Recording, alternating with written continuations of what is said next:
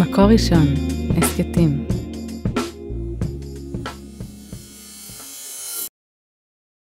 כלל ראשון בכניסה חדשה לכל ארגון הוא ללמוד מי נגד מי.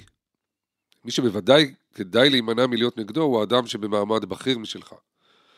ההיסטוריה האנושית והארגונית מלמדות שביקורת ישירה על הממונה היא פעולה שאינה מתגמלת במיוחד.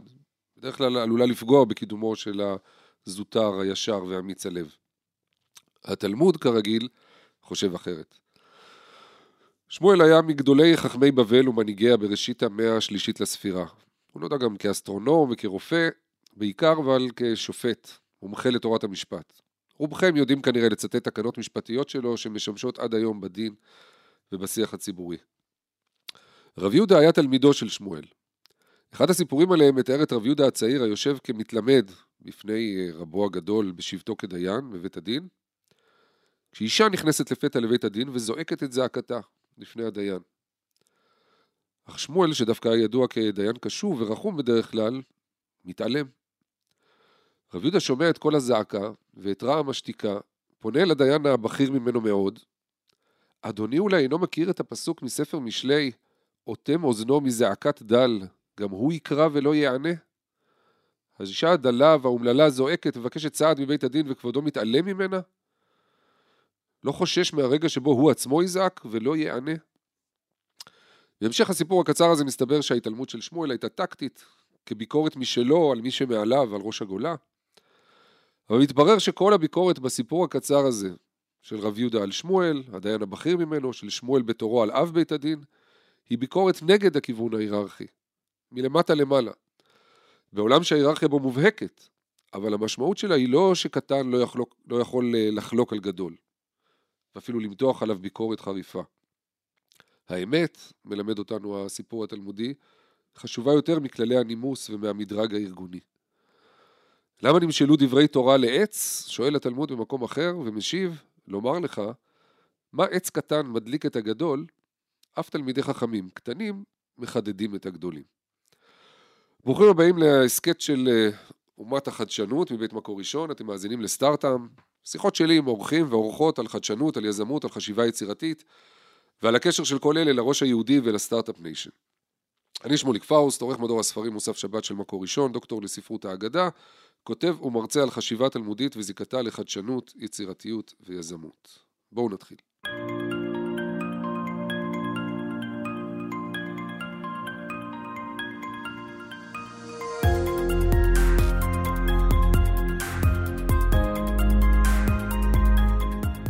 משמח אותי מאוד לארח היום את אה, ענבל אריאלי, שלום. שלום, שלום. תודה שבאת. ענבל היא יזמת, משקיעה בהייטק, ממובילי ההייטק הישראלי, ומחברת הספר חוצפה על ילדות ישראלית ויזמות גלובלית, ואולי במקום שאני אמשיך עם אה, טייטלים, תספרי לנו את קצת אה, עלייך ועל הדרך שעשית. אז תודה שהזמנת אותי, אני מאוד שמחה להיות פה.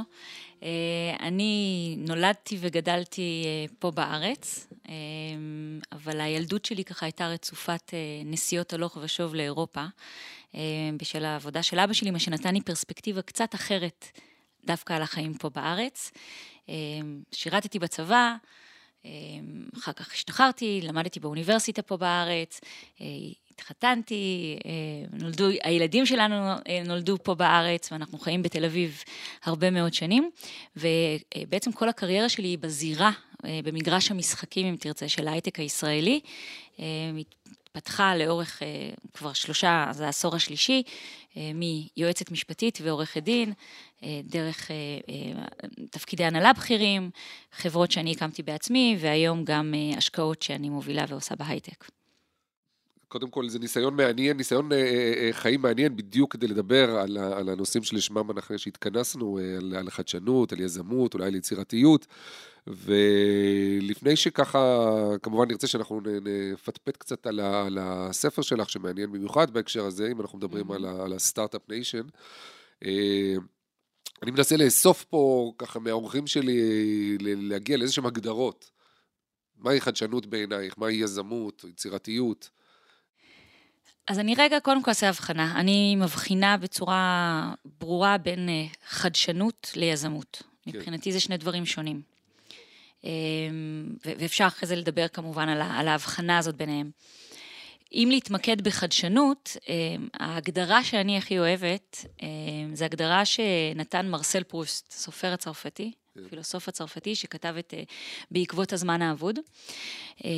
והוא בעצם, הוא לא הגדיר את החדשנות מבחינתו, אבל, אבל עצם ההתבוננות שלו ואיך שהוא מאפיין אותה, זה בדיוק זה. והוא אומר, במילים שלו, שמסע תגליות הוא לא בהכרח במציאת נופים חדשים, אלא לרוב הוא בהסתכלות על הקיים בעיניים חדשות.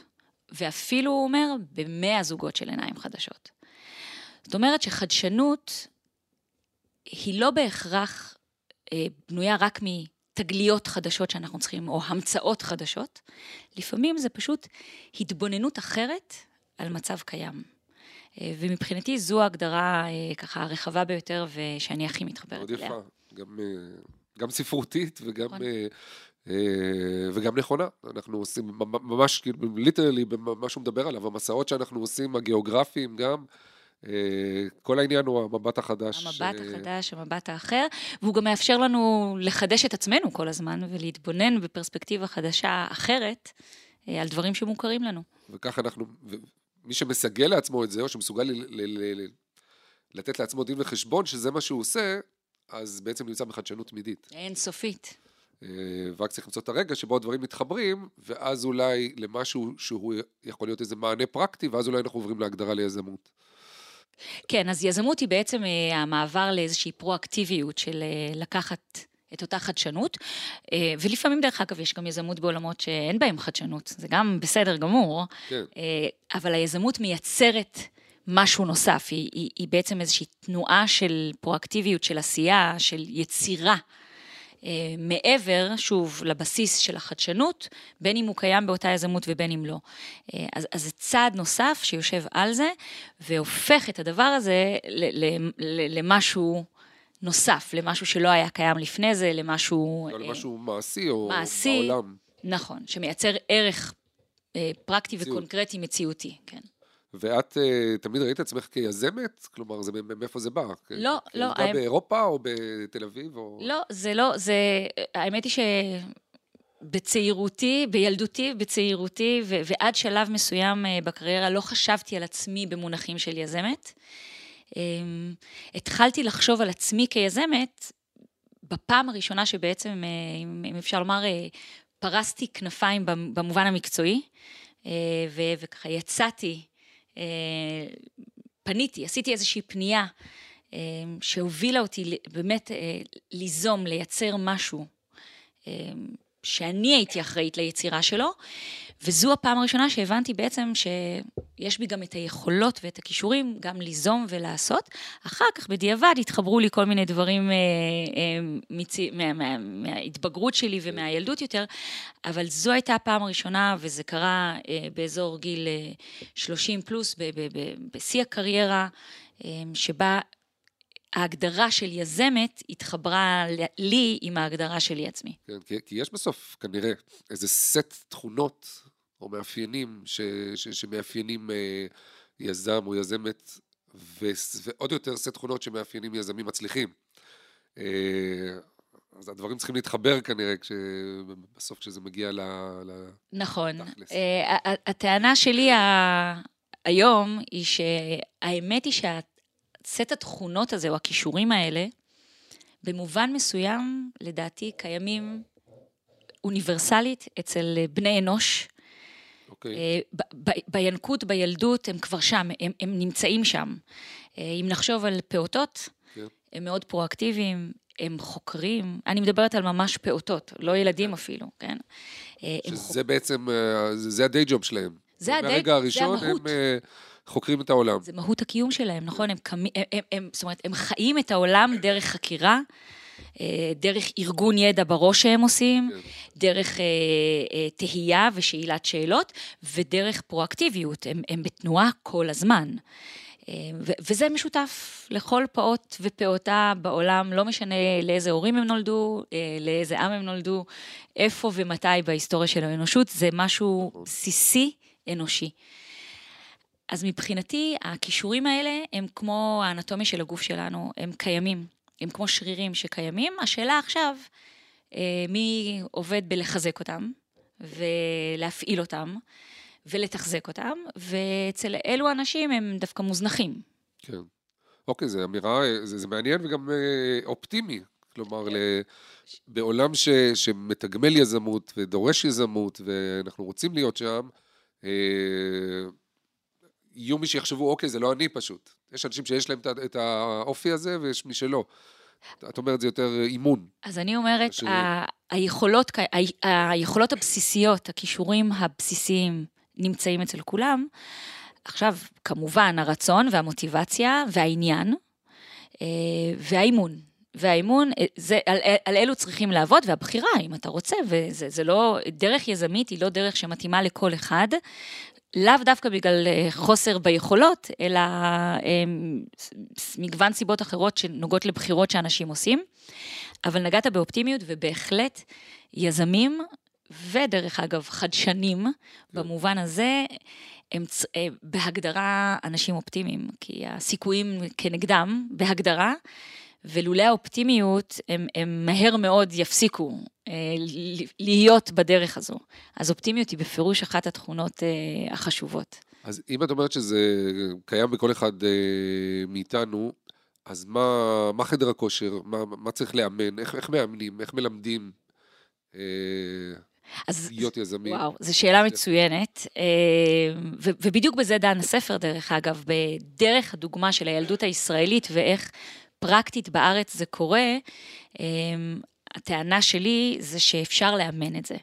אמ, ואני אתן לך אולי את הדוגמה אמ, שקשורה להקדמה שדיברת עליה, okay. אוקיי. אה, על הנושא ההיררכיה, או בעולם העסקי היום ובעולם הטק בעולם מתייחסים היום למונח שנקרא flat hierarchy, היררכיה שטוחה. וההבנה היא שככל שמנגנונים אה, הם יותר היררכיים, המידע לוקח לו יותר זמן לעבור בארגונים האלה, אמ, וקבלת ההחלטות שמסתמכת על מידע, בעצם מתרחקת מהנתונים בבסיס של הפירמידה. אה, בעולמות של flat hierarchy, הכוונה זה לשטח את זה ולייצר פחות מרחק. לקצר את המרחקים בין האנשים שנמצאים לכאורה בבסיס של הפירמידה, שהם אלה בדרך כלל שקרובים מאוד לעשייה, yeah. כן. לבין אה, לכאורה מקבלי ההחלטות למעלה, לקצר את המרחקים האלה, שאינפורמציה תעבור בצורה הרבה הרבה יותר אה, יעילה, ושה, ושיהיה איזשהו דיאלוג אה, למעלה ולמטה כל הזמן, מתוך מטרה לעשות אופטימיזציה. ו... לבנות ארגונים בצורה כזאת, או לאפשר, גם בארגונים גדולים וגם בארגונים קטנים, בצוותים, לאפשר את הדבר הזה, אה, זו למשל דרך אחת שבה אפשר לאמן אה, את השרירים האלה. אוקיי. Okay. אז הגענו בספר שלך גם, אה, יודעת, החזרת אותנו לפתיח של, ה, של הדברים, שזה אפילו יותר מהיררכיה שטוחה, אלא זה, זה לפרוץ את הכיוון לצד השני. להעיז להיות נון קונפורמיסט, לומר את מה שיש לך להגיד, גם אם אתה אה, נמצא לגמרי בתוך פירמידה מאוד ברורה של מי שנמצא אה, אה, מעליך, אבל אתה עושה את זה כיוון שאתה רואה מה הנכון ומה האמת, ואז אתה לא, לא, לא ירא מפני איש. מה האמת זו שאלה, אתה יודע, גדולה. מה נכון, כן. לא- בדיוק. לא, לא מה, מה נכון לדעתך? כן, כי, כי כמובן ש... כל העניין, ברגע שאנחנו אומרים זו האמת ויש אמת אחת, אז, אז, אז, אז הדיון יסתיים באותו או. רגע. אמ, כן, אני חושבת שבסביבות ששואפות להיות סביבות חדשניות יותר, ושזזות קדימה, ושמתאימות את עצמן לשינויים שקורים, שבוודאי ובוודאי עולמות הטק נמצאים בסביבות האלה, אבל אנחנו רואים יותר ויותר, יותר ויותר שחברות, וחברות גם עסקיות, אבל גם חברות מלשון אה, חברה, אה, קהילה, סוסייטי, אה, מבינות שהן צריכות ללכת בכיוון הזה ולהיות מאוד מאוד גמישות. כן. בגלל קצב השינויים שאנחנו חווים בעולם סביבנו, בכל ההיבטים. אם זו הנחת המוצא שלנו ואנחנו רוצים לשחק במשחק הזה, אה, אז אה, כן, אנחנו חייבים לאפשר איזשהו, הייתי אומרת, אה, סיעור מוחות תמידי. אמ, אני יכולה לשתף שבניסיון שלי, למשל, אה, בין יתר החברות שהקמתי, אה, השותפים שלי בדרך כלל היו שותפים אמריקאים. חברות שהוקמו בשיתוף בין, בין יזמים ישראלים ליזמים אמריקאים.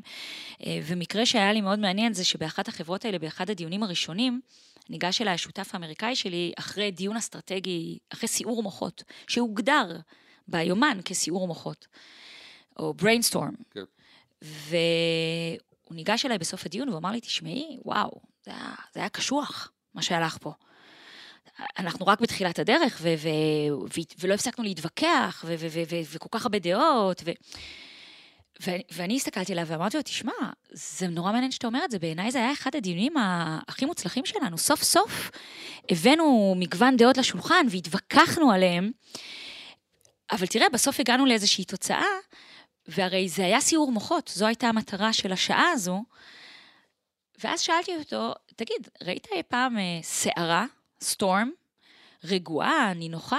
הרי זה המהות של סערה, זה הסיעור הזה, זה המהות שלו, זה ליצור את כל האנרגיה הזאת, כשבבסיס יש אמון שאנחנו רוצים להגיע לאיזושהי מטרה משותפת כן. ולצעוד קדימה ביחד, אז אפשר לנהל סיור מוחות באופן תמידי, בלי להרגיש שאחד דורך על השני ואחד פוגע בשני ושמים את האגו בצד. כן, אמריקאים, אירופאים, שלא לדבר על, אה, על אה, אסייתים, אה, כנראה קצת פחות הורגלו. בבית נכון. המדרש התלמודי הסוער, ששם נשמעים ויכוחים ברמה, וכמו שאמרנו, קטנים יכולים גם להתווכח עם, עם הגדולים, וכל אחד מביא לה... לשולחן את, ה, את הדעה או הנחרצת שלו, מוכן גם לשמוע דעות אחרות, לכן תופעת המחלוקת, חולקים ו, ו, ו, ודנים, וזה, וזה אינסופי, זה כלומר זה נמשך, התחיל אי אז ונמשך עד עצם היום הזה, הדיונים האלה מה, מהטקסטים הקדומים האלה. ויש פה, בהקשר ההיררכי הזה, אולי גם את המימד של חוצפה, אם לחזור ל, ל, לספר שלך אה, שנקרא חוצפה, או אולי הוצפה, חוצפה. חוצפה, נכתב במקור באנגלית. אגב, מילה שבעברית התחילה כאיזה ביטוי אה, שלילי, ואז אה, מאוד שלילי, ואז אה, התגלגלה ככה גם ליידיש, ואחר כך גם לסרטים אמריקאים, כמו שאומרים גזונטהייט בסרט אמריקאי, אפשר גם לשמוע את החוצפה הזאת. אגב, התלמוד, אז יש, המילה הזאת לא מופיעה הרבה, היא מופיעה קצת במובן מאוד שלילי, אפילו לא מוסרי, אבל יש שתי אמירות אה, מאוד מעניינות, אחד שאומרת, אה, אם לתרגם מארמית, ש, שהחוצפה היא מלכות בלא כתר. Mm. אף אחד לא הכתיר אותה, לא נתן את, ה, את הרשות, אבל זה בדיוק העניין, היא לוקחת לעצמה את, ה, את, ה, את הרשות ו, ומשתלטת ולעשות דברים, לפעול בעולם. ובמקום אחר זה מופיע כ, כאיזו אמירה שהחוצפה פועלת לפעמים לטובתו של העולם, ואדרבה, יש איזה ביטוי כזה, שוב בארמית, שחוצפה אפילו כלפי שמיא מועילה, אפילו כלפי השמיים. כלומר, אם כבר דיברנו על הכיוון ההיררכי, אז על פסגת ההיררכיה, אלוהים בכבודו ובעצמו, גם חוצפה כלפיו מועילה, במובן הזה שהוא יכול לשנות את דעתו. כלומר, זאת, זאת אמירה תלמודית, אמירה... שמציבה איזה תמרור אה, נועז מאוד בהקשר הזה של אה, אה, חוצפה.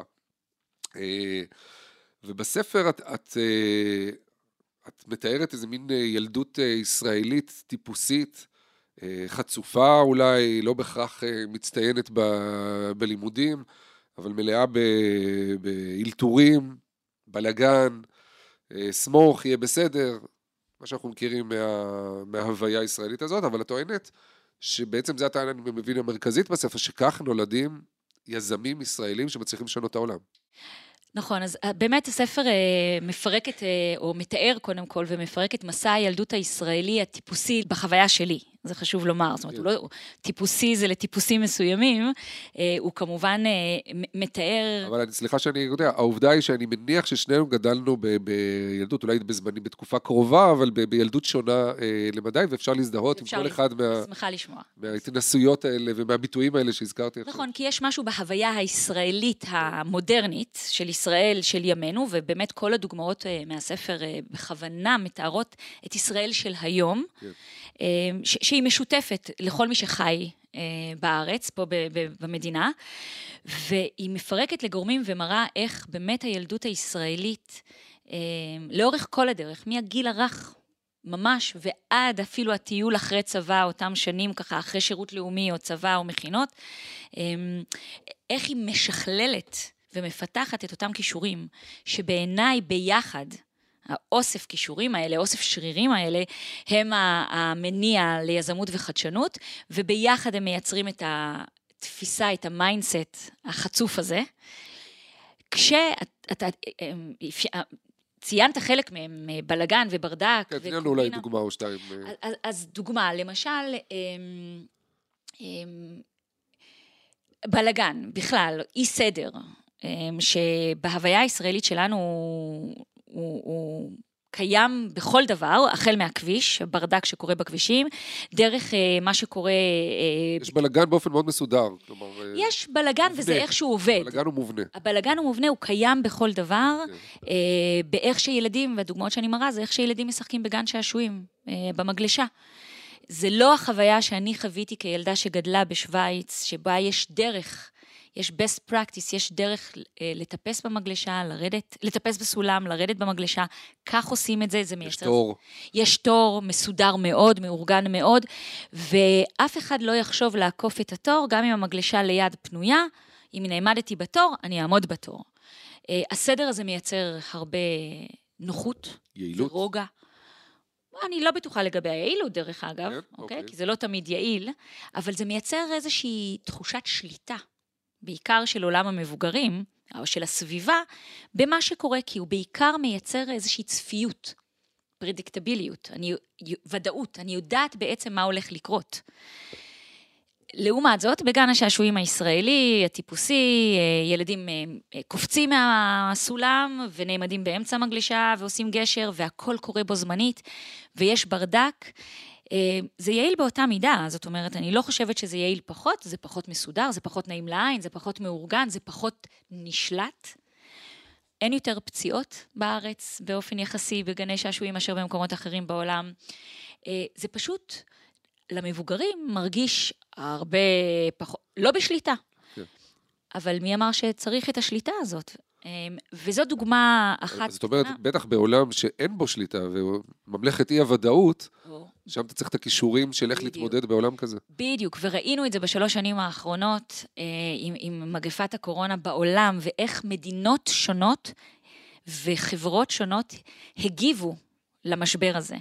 אחד הדברים המעניינים שקרו בארץ, זה שהייתה תגובה מאוד מהירה, וגם תגובה משתנה. אם אתם, אתה זוכר, כל, בערך פעמיים, שלוש בשבוע ההנחיות השתנו, מה שקצת שיגע אותנו, אבל, אבל הייתה לזה סיבה. והסיבה הייתה כל הזמן להתאים למה שקורה, למה שנכון, ולא להיתקע עם איזושהי הנחת יסוד שהנחנו לפני שבוע, היא כבר לא רלוונטית. היכולת הזאת קשורה למגלשה, קשורה ליכולת שלנו לשחק אחרת במתקן הזה, ולא להיבהל מאי-ודאות. אה, אז, אז הנה, הנה איך קשרנו את הדברים.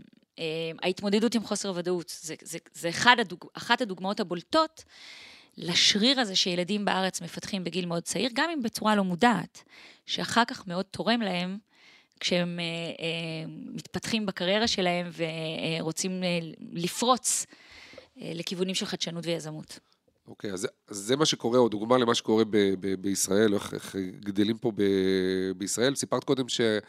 שגדלת במקומות אה, שונים, וגם אחר כך אני מבין שפרסת כנפיים ואת עובדת מול העולם אה, במקומות שונים בגלובוס, אה, אז זה נותן לך איזו פרספקטיבה אה, שמצביעה על איזו ייחודיות, כלומר, זה שאנחנו מתהדרים ב Start-up Nation ו...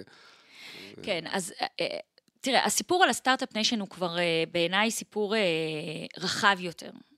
כי ה Start-up Nation כהגדרה הוא סיפור של יזמות. אה, היום ה tech הישראלי כבר, אה, הוא כבר התבגר, הוא כבר הבשיל, הוא הוסיף לעצמו עוד יכולות.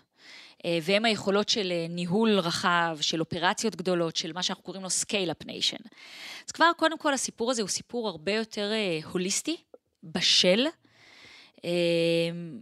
וחשוב לומר את זה. זאת אומרת, ההייטק הישראלי הוא כבר לא רק סיפור של חדשנות ויזמות, הוא כבר גם היום סיפור, וה...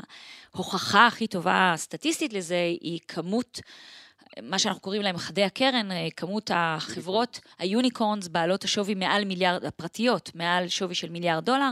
בישראל יש את הריכוז הכי גבוה בעולם. ו, ו, וזו ההוכחה לזה. זה מעניין, כי חשבנו שאנחנו נכון. אולי לא טובים בניהול. נכון. אנחנו ה- היזם החצוף, הצעיר, המרדן, הנון קונפורמיסט, אבל כשזה מגיע אחר כך לניהול, שצריך הרבה מאוד סדר וארגון, אולי זה כבר לא אנחנו, צריך לתת את זה, צריך, למק- צריך אה, לעשות את, ה, את האקזיט. בחוץ, ולתת נכון. את זה ל- למישהו שיודע לנהל נכון, בחוץ. אז, אז, אז גם פה אנחנו רואים היום שזה לאו דווקא נכון, שזה גם כישורים ויכולות שאפשר לאמן אותם. ואולי הדוגמה הכי קיצונית ומבחינתי הכי טובה דווקא לניהול ישראלי הכי אה, מדויק שיש, אה, זה הפאב. לאינטל יש בקריית גת פאב. אחד מיני שורה של פאבים שיש להם בעולם, זה איפה שמייצרים צ'יפים. הפאבים האלה הם אה, מקומות שפועלים בסטנדרטים הכי מדויקים שיש. זה, זה ברמה של אה, ממש דיוק, אה, באמת, ברמה הכי גבוהה בעולם. והנה, בקריית גת בישראל, יש פאב של אינטל שמתחרה בכל הפאבים האחרים, ואנחנו מסוגלים לעשות את זה, גם לדייק כשצריך, וגם לעבוד בסטנדרטים הכי, הכי, הכי, הכי מחמירים שיש. זה עניין של מודעות, זה עניין של רצון, זה עניין של מוטיבציה, היכולות קיימות.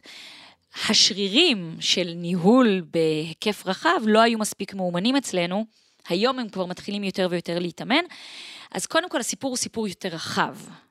זה באמת מעניין, כי אני יותר שומע, גם בפרקים פה, בפודקאסט שלנו, סטארט-אפ, אה, את, ה, את ההבחנה הזאת. אנחנו טובים בזה, אה, התרבויות הצייתניות, הפחות אה, טובות ב- ב- בעניין הזה של, הסטארט-אפ, אה, אבל אנחנו צריכים ללמוד מהם, לראות את האסייתים וללמוד מהם יעילות, דיוק, ארגון אה, וכן הלאה. אז אנחנו בהחלט צריכים אה, כל הזמן לאמן את עצמנו וללמוד זאת אומרת מאחרים. שזה כבר קורה. אני, אני, זה. כבר, זה כבר קורה, והנתונים מראים את זה.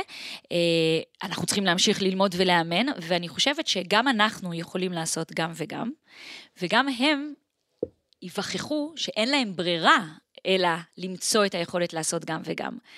כי בקצב השינויים, בעיקר בעולם הטכנולוגי שקורים סביבנו, לא בישראל, בעולם, גם החברות הכי גדולות חייבות שתהיה להן יכולת, כמו שאמרנו מקודם, גמישות. אם, אם, נחזור לדימויים מהטבע, העצים הכי גמישים הם עצים שהגזע שלהם מסוגל לזוז עם הרוח, הוא גמיש, הוא מגיב. הוא לא אה, עומד יציב איתן בלי שום יכולת תנועה.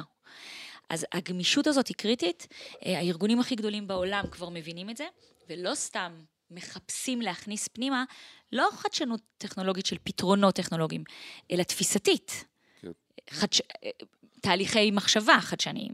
אז אם אנחנו מדברים על תהליכי אה, אה, מחשבה, אה, אני באמת באופן אישי אה, עסוק בלתרגם או לזקק אה, כלי חשיבה שבעיניי הם באמת אה, רבי עוצמה, שאפיינו את, ה, את, ה, את התרבות או את מי שכתבו אה, טקסטים כתובים ש, שבהם אה, אה, פתחנו, ויש שם יסודות אה, באמת של, כמו שציטטת מפרוסט, של אה, אה, כל הזמן להסתכל בעיניים חדשות, איזו חדשנות בלתי פוסקת כזאת והרבה יצירתיות. אה, ומה שעושה אותם בעיניי מאוד מתאימים בדילוג הזה על פני הזמנים של 1500-2000 שנה, מאוד מתאימים דווקא להיום, שנדרשת הגמישות המחשבתית והיצירתיות ואיזה דמיון פרוע ו- ודברים שאני מוצא שם. אה, לאור הביוגרפיה שלך ו- ו- ומה שכתבת, אה, יכול להיות שאת עושה דבר אה, דומה בעצם בתרגום של כלי חשיבה שלקחת ממקומות אחרים, כמו למשל מהשירות הצבאי שלך, לכלים שיכולים לשרת אותנו באזרחות, בעולם הטק. כן, לגמרי. אמ, אני חושבת שאחד הדברים אמ, המעניינים ש... שבהתבוננות, באמת, כמו שאתה אומר, של פרספקטיבה אחרת, הצלחתי לזהות, זה שגם הצבא שלנו אמ, פועל אחרת בהכללה מאיך שצבא אמור לפעול, בהגדרה.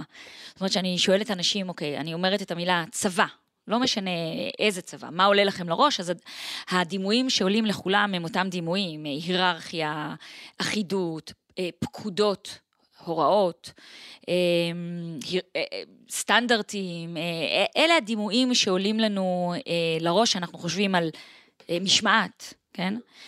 עכשיו, למי ששירת בצבא, כן, הדברים האלה קיימים, אבל אה, אני לא בטוחה שכשאנחנו חושבים לעומק על השירות הצבאי שלנו, פקודות ומשמעת זה הדבר הראשון שעולה לנו אה, לראש כמאפיין מהותי של המערכת הזאת. אה, אלא דברים אחרים, למשל, אה, אחריי, התפיסה של... של פיקודית. הפיקודית, אבל העמוקה, כן. שאני לא יושב, אני המפקד או המפקדת לא יושבים רחוק ב... בפלזמות. בפלזמות, בהדקווטרס, בפלזמות או באוהל של פעם, כן? אה, ו, ו, ואתם אה, בשר התותחים. לא, אתם אחריי. אני, אני, לא, אני פורץ את הדרך עבורכם כמפקד. זה משמעותי מאוד.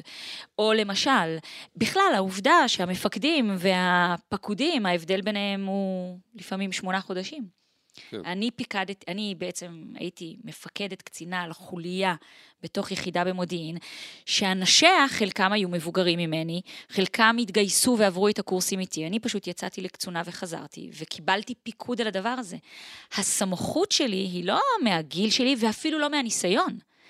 אלא היא מהכישורים, מהפוטנציאל שזיהו ביכולות שלי לפקד על המערך הזה. ו, וזו כמובן דוגמה ספציפית. אז היכולת לקחת אמ, אלמנטים מסוימים שבפועל קורים בצבא, אני אתן עוד דוגמה, ראש גדול. כשאני אומרת לך, שמוליק, ראש גדול, זה חיובי או שלילי? חיובי. חיובי. ואתה, ואת, ואתה מיד מסוגל לדמיין מה המשמעות של הדבר הזה. אמ, כן, זה ביטוי... זו מילת גנאי בצבא, ראש קטן. ראש קטן זו מילת גנאי בצבא, יפה אמרת. גם ראש גדול זה ביטוי שבעצם צמח מתוך הצבא. עכשיו, אם נעבור לשפות אחרות רגע, קודם כל, אה, לשונית, ביג הד באנגלית או גרוס טט בצרפתית, זה ביטויים מאוד שליליים של אנשים, זה בדיוק אותן שתי מילים. אנשים שחצניים, מלאים בעצמם. קודם כל, המשמעות של מה, מה שאנחנו יוצקים בתוך הביטוי הזה היא שונה. ואצלנו עוד, זה נולד בתוך הצבא. זאת אומרת, להיות ראש גדול, לעשות מעבר ממה שמצופה ממך. זה כמעט אנטי-צבאי כשחושבים במונחים אה, בינלאומיים. זה counter אינטואיטיבי למשמעות של צבא. כן. בצבא אתה אמור לעשות מה שאמרו לך, וזהו. אז זהו, שלא, לא בצבא שלנו. והנה דוגמה איך מערכת הצבאית שלנו, גם היא כר פורה מאוד, לא רק לחדשנות טכנולוגית, אלא לאותם כישורים רכים שמאוד נדרשים אחר כך... אה, זה, זה מעניין מה שאת אומרת, כי גם כי מדברים פה בעולם הטק הישראלי, ואומרים שהוא ניזון המון מה, מהצבא. בגלל הצרכים הצבאיים, הביטחוניים והכספים שמושקעים שם, אז, אה, ויש את היחידות המודיעיניות, הטכנולוגיות הייעודיות, ושם נוצרו אה, פשוט פתרונות טכנולוגיים לבעיות, ואחר כך משם זה גם מתגלגל לאזרחות, אבל את אומרת משהו הרבה יותר עמוק, אני, זה לא רק החדשנות הטכנולוגית, זה הכישורים וזה התפיסה, זה צורת החשיבה, בעצם נכון. דיברנו על צורת חשיבה. נכון, ואני, ואני ארד רגע עוד לעומק עוד יותר, ואני בעצם אומרת, זה לא מתחיל בצבא. אנחנו מגיעים לצבא... בגלל הילדים. עם המטען הזה כבר שלנו, אחרי שהוא התפתח אצלנו, אצל כל אחד ואחד מאיתנו שגדל פה בארץ, לאורך הרבה שנים. אז אני אקח את זה עוד צעד. אנחנו ביחידה מודיעינית בצבא, זאת אומרת, זה לא מתחיל שם, זה במגרש המשחקים הישראלי, בילדות הישראלית שלנו, ואני אומר, זה בהיסטוריה היהודית והתרבות היהודית שלנו, כלומר, אה, זה לא רק אה, צעיר בצבא, או ישראליות שגם היא צעירה אה, למדי, הצבריות, אלא גם הצבריות היא תוצר כמובן של מפגש היסטורי וגיאוגרפי בנקודה מסוימת בזמן, עם מטען שיהודים הביאו אותם מכל השנים שהם היו צריכים להסתדר בגולה ורדיפות וכן הלאה, ואפילו יותר מזה, עם תפיסות אה, אה, תרבותיות שבידלו אותם ואפשרו להם להיות אה, שונים וליצור איזה יצירות אה, אלמותיות כאלה. אני חושב שזה עד שם, כלומר, אני לא לוקח אותך 75 שנים אחורה, אלא 1775 שנים אחורה. כן, אני, אני מסכימה איתך שללא ספק משהו במטען התרבותי שלנו, ולא לא רק תרבותי, השורשים שלנו, כן. כמובן עוצבו בצורה מסוימת בשל נסיבות שונות ומשונות בכל, אה, בכל רחבי הגלובוס, אה, והם מזינים, או הזינו לאורך שנים את התוצרים של מה שאנחנו רואים עכשיו, אה, זה ללא ספק קיים שם בעומק. יש שם איזה. DNA, והוא בא לידי ביטוי בצורות שונות. יש שם איזה שהן. תפיסות, אה, כן, אני גם... DNA תרבותי כמובן, לא ביולוגי. נכון, בדיוק, אני, אני נורא, בגלל זה אני כמובן נזהרת מלהשתמש במילה הזאת, לא, למרות שגם אני עושה את זה. אה, לא, לא, בוודאי, גם אני, גם אני ביולוגית. מוצאת את עצמי לפעמים אומרת את זה, ואז ישר אה, ככה מתקנת. כן, כן, לגמרי, זה חייב להיות שם. בואי נשחק, אנחנו לקראת סיום, נשחק איזה משחק אסוציאציות מילולי קטן. אה, אני אזרוק לך מילים אה, בעברית אה, מדוברת, שהשתמשת בהם בספר, ותחזירי באסוציאציה או הסבר קצר שמחבר אותם ל- אוקיי. לדברים שלנו, לחדשנות או ליזמות. אז בלאגן אמרנו, דוגרי, להיות ישיר, יעיל, לגעת בנקודה עצמה, אבל בצורה מכבדת. יש פה אמון, אמון, אמון בבסיס. אוקיי. דווקא, להתריס. להתריס כשאתה רוצה אה, להגיע לתוצאה, להרים, להגיע לתוצאה אופטימלית יותר. אוקיי. קומבינה, יצירתיות, אה, שוב, התייעלות ואופטימיזציה, ולפרוץ דרך. אוקיי. אה, שפצור, שדרוג של משהו קיים, כדי שיתאים יותר לנסיבות עכשוויות. ובצורה מאולתרת. שפצור בצבא זה בדרך ובצורה- כלל איזה אילתור. נכון, ובצורה שהיא היא קלה לעשייה, לא איזה פרויקט אה, ענק. אה, תכלס, ישיר ולעניין. אוקיי. יאללה. עשייה, לעשות, לעשות, לעשות, לא לקפוא במקום. טוב, כלומר, כל מיני מילים שחלקם אולי יש להם, אה, יכול להיות להם איזה, יכול להיות איזו קונוטציה פחות חיובית או יותר נכון. חיובית. זאת אומרת, זה אוסף של, אה, של אה, מילים שמוטבעים בנו עמוק, לא משנה מאיזה שפה במקור הגיעו, אבל כבר הפכו להיות ישראליות, ו- והם זה. הם נכון, מה- וה- וה- מה-DNA המילולי הזה. לגמרי, והשילוב שלהם ביחד הוא מה שיוצר את ה mindset החצוף הזה. ואני אגיד, כמובן, כמובן, ו- ואי אפשר להימנע מזה, לכל ההתנהגויות האלה יכול להיות גם צד שלילי. כן. הטענה שלי זה שאם אנחנו ניקח את כל האנרגיה הזאת, בסדר? ש- ש- ש- שככה מקופלת בתוך כל ההתנהגויות האלה, ונשים אותה, את כל ההתנהגויות האלה על פסים נכונים, אין גבול למה שהמדינה הזאת יכולה לעשות. אוקיי, מעניין, תודה. אה, לסיום ממש, אנחנו מגיעים כבר לפינת הסטארט-טיפ אה, שלנו. אה, אה, אם אני אבקש ממך טיפ אחד מכל הניסיון והידע שרכשת, שסיפרת לנו עליו, שנוכל לצייד מאזינים שעוסקים בחדשנות, או רוצים להתחיל, או הם בדרך ליזמות, מה, מה יהיה הטיפ הזה? אם אני צריכה לבחור דבר אחד, אה, אני אגיד שזה שילוב של לא להפסיק לשאול את עצמך כל הזמן שאלות, אה, כדי להישאר כמה שיותר גמיש בעצם, אה, ואג'ילי. וד... ולהבין, לאמן בעצם את אותו שריר שמסוגל להתמודד עם חוסר ודאות, כמו שאמרנו מקודם. זה בעיניי הדבר הכי חשוב, אה, גם ביזמות, גם בחדשנות, ובעתיד של כולנו אה, אה, על כדור הארץ הזה, זה פשוט להרגיש יותר בנוח עם חוסר ודאות, כי חוסר הוודאות, הכל יישאר, it's כן. here to stay, בדיוק. תודה רבה רבה לאורחת שלי, ענבל אריאלי. תודה שבאת, תודה לאוהד רובינשטיין על ההקלטה והסאונד, תודה לעדי שלם רבינוביץ' וליהודי טל על ההפקה. תודה רבה לכם שהאזנתם. את הפרק הזה, כמו גם את שאר הפרקים וגם אה, הסכתים נוספים, תוכלו למצוא באתר מקור ראשון, בערוץ ההסכתים, כמו גם בספוטיפיי, באפל מיוזיק ובגוגל. להשתמע בפרק הבא.